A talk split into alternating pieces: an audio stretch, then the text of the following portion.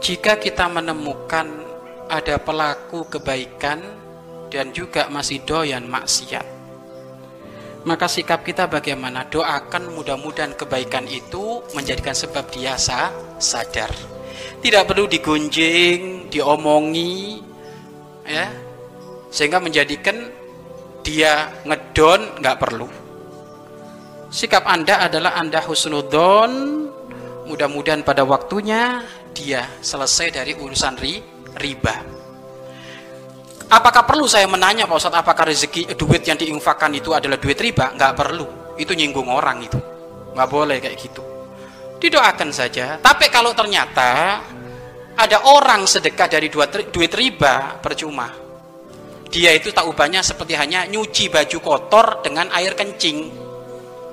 Baju putih kotor Bapak Ibu, pengen dicuci biar putih, eh dicuci, dicuci sama kencing, bau kencing. Itu gambaran orang ibadah tapi pakai rezeki haram. Nggak diterima oleh Allah.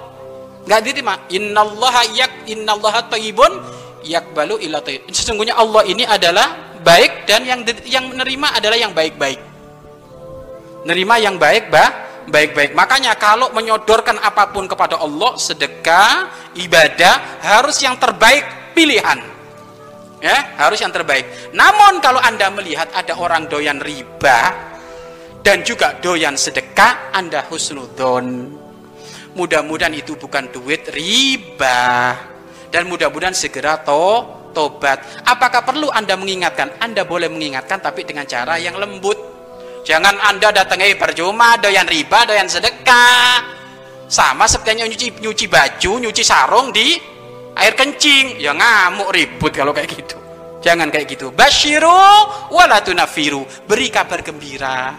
Jangan dibikin orang lari. Pak Ustadz ada orang Pak Ustadz suka buka aurat. Masya Allah Pak Ustadz pakai baju kurang kain atau bajunya bayi dipakai Pak Ustadz. Tapi ahli sedekah gimana Pak Ustadz? Ancungin jempol. Ancungin jempol sedekahnya bukan baju kain anak kecil tadi. Itu bukan. Sedekahnya Masya Allah soleha kamu ahli sedekah.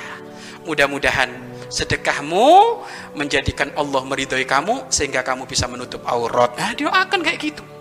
Ini Masya Allah ahli sedekah Masya Allah. Mudah-mudahan sedekahmu diterima sehingga engkau segera selesai dari urusan riba. Nah didoakan kayak gitu nggak perlu mencibir. Kadang kita ini Bapak Ibu kita nggak sedekah tapi bisanya ngomong ngomongin. Nah ini ini kelasnya. Kelasnya anu itu orang orang fudul ya. Maka sekali lagi kalau ketemu orang yang masih maksiat tapi dia juga melakukan kebaikan anda husnudon mudah-mudahan kebaikan itu menghantarkan dia segera selesai dari kemaksiatannya. Yang paling penting lagi anda doa di malam hari minta kepada Allah agar supaya orang itu selesai dari urusan kemaksiat kemaksiatan